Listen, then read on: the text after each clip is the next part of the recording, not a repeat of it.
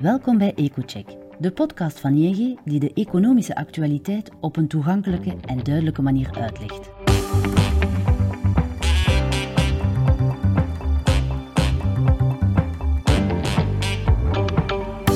Om de twee weken buigen onze economen zich over de meest besproken gebeurtenis en analyseren zij de economische en financiële gevolgen voor u of uw onderneming. Vandaag is uw gastheer Wouter Thierry, econoom bij ING. Welkom bij een nieuwe aflevering van EcoCheck. In de nasleep van de coronacrisis waren de grondstoffenmarkten al zeer krap. Door de verschillende lockdowns tijdens de COVID-pandemie werden de wereldwijde aanvoerketens grondig verstoord. Daardoor werd het moeilijker om aan bepaalde grondstoffen te geraken, waardoor de prijzen de hoogte ingingen.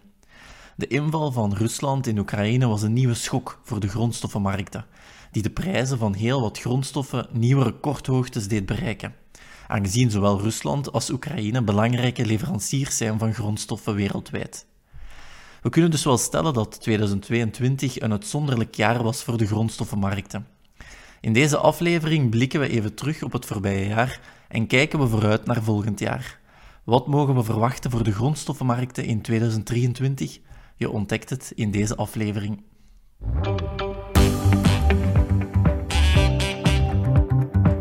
We luisteren naar de analyse van Wouter. De inval van Rusland in Oekraïne was dit jaar een belangrijke gamechanger voor de grondstoffenmarkten, die de prijzen van heel wat grondstoffen fors heeft doen stijgen. De keuze van Rusland om energie als wapen te gebruiken en de vergeldingsmaatregelen van het Westen tegen Rusland hadden een grote impact op de grondstoffenmarkten, maar ook op de wereldeconomie. Eerder dit jaar was de aanbodkant van de markt het grootste zorgenkind, omdat er een tekort was aan heel wat grondstoffen, maar de bezorgdheid is recent meer verschoven naar de vraagkant. De vraag staat sterk onder druk omdat de hoge inflatie en de fors gestegen energiefactuur onze koopkracht uithollen. In eerdere afleveringen van deze podcast hebben we al vaak gesproken over renteverhogingen die de centrale banken aan het doorvoeren zijn. Heel wat centrale banken wereldwijd, waaronder de ECB in Europa en de Fed in de Verenigde Staten, hebben hun beleidsrentes al fors opgetrokken in een poging de inflatie naar beneden te krijgen. Door de rente op te trekken proberen ze de economie te verzwakken. Hoe meer ze de rente optrekken, hoe meer de vraag naar onder andere ook grondstoffen onder druk zal komen te staan volgend jaar.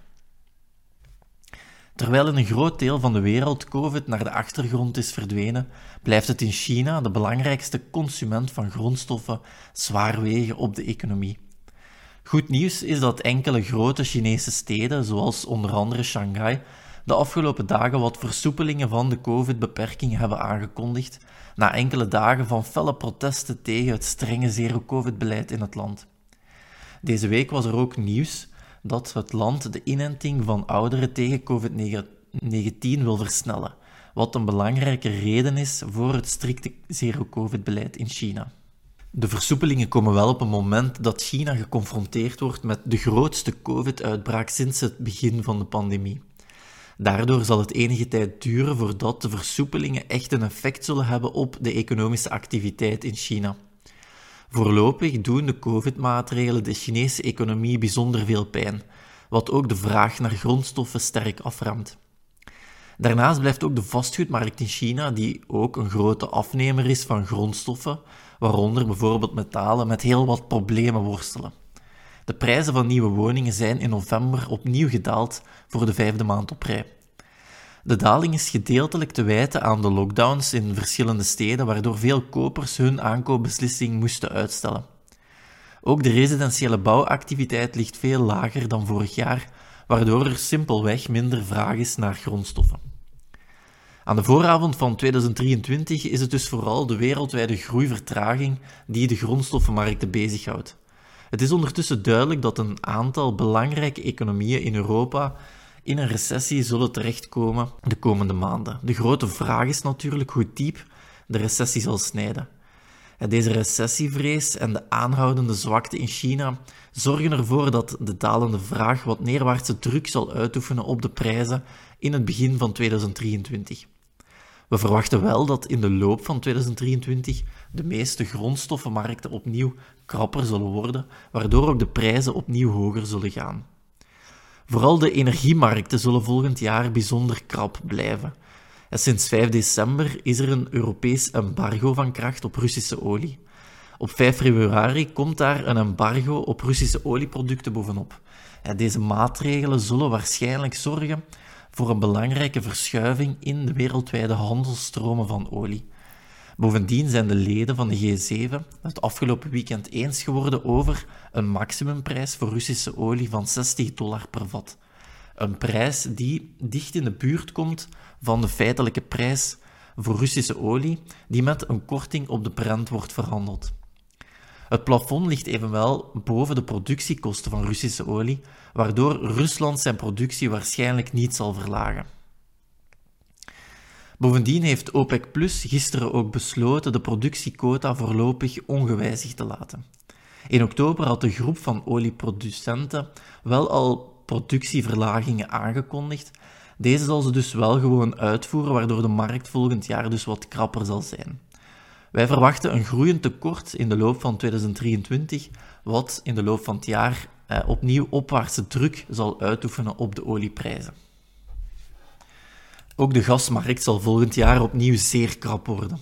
De Europese aardgasmarkt was dit jaar sterk verstoord omdat Rusland het grootste deel van zijn aanvoer naar Europa heeft afgesloten, wat leidde tot een aanzienlijke volatiliteit en recordhoge prijzen op de gasmarkten.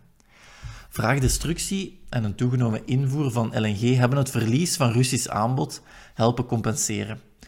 In 2023 zal het voor de EU waarschijnlijk veel moeilijker worden om de gasvoorraden opnieuw aan te vullen voor de winter van 2023-2024. Het verlies van Russisch aanbod zal nog groter zijn en er zijn ook grenzen aan de extra LNG die Europa nog kan invoeren. Daarom zal vraagdestructie in 2023 noodzakelijk zijn om de wintermaanden door te komen. Om deze daling in de gasconsumptie te realiseren, zullen de prijzen op een hoog niveau moeten blijven. De krapte op de markt betekent ook dat de volatiliteit niet snel zal verdwijnen. Ook de metaalprijzen zullen in 2023 waarschijnlijk opnieuw hoger gaan. De huidige context voor metaal is vrij gunstig. Een groeiend aanbod in combinatie met een zwakkere vraag zal de druk wat wegnemen van de markt, zeker in het begin van het jaar. Naarmate het jaar vordert, verwachten we dat de prijzen wel opnieuw wat hoger zullen gaan. De lage voorraden van een aantal metalen in combinatie met een sterk herstel in China en een soepeler monetair beleid zullen opwaartse druk uitoefenen op de prijzen in de loop van 2023. Bovendien zijn er nog steeds heel wat aanbodrisico's voor een aantal basismetalen. Tot nu toe zijn Russische metalen bespaard gebleven van sancties, maar er is natuurlijk altijd het risico dat er in een later stadium alsnog beperkingen worden opgelegd. Ten slotte zijn ook landbouwgrondstoffen dit jaar aanzienlijk gestegen in prijs, waaronder bijvoorbeeld granen als gevolg van de verstoring van de Oekraïnse export en het slechtere weer in sommige belangrijke teeltgebieden. De oorlog tussen Rusland en Oekraïne blijft een belangrijk risico voor de markten. We verwachten dat de prijzen van landbouwproducten volgend jaar opnieuw wat hoger kunnen gaan. Er zijn een aantal vroege tekenen dat de wintertarweoogst in sommige belangrijke teeltgebieden volgend seizoen wat lager zal uitvallen, terwijl de opbrengst van landbouwgewassen zou kunnen leiden onder minder bemesting, wat een gevolg is van ja, de forse prijsstijgingen voor meststoffen dit jaar. Om te besluiten kunnen we dus wel stellen dat 2022 een uitzonderlijk jaar was voor de grondstoffenmarkten. Aanbodfactoren zoals problemen in de toeleveringsketens en de oorlog in Oekraïne hebben geleid tot grote volatiliteit en hoge prijzen. Maar ook 2023 kondigt zich opnieuw aan als een woelig jaar voor de grondstoffenmarkten.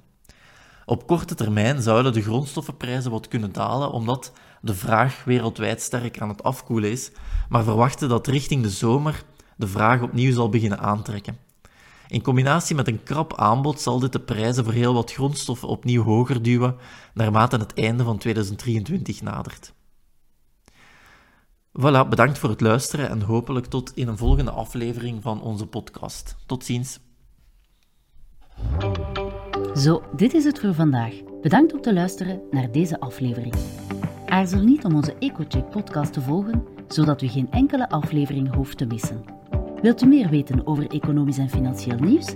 Ga dan naar ing.be-mijn-nieuws en ontdek alle analyses van onze econoom.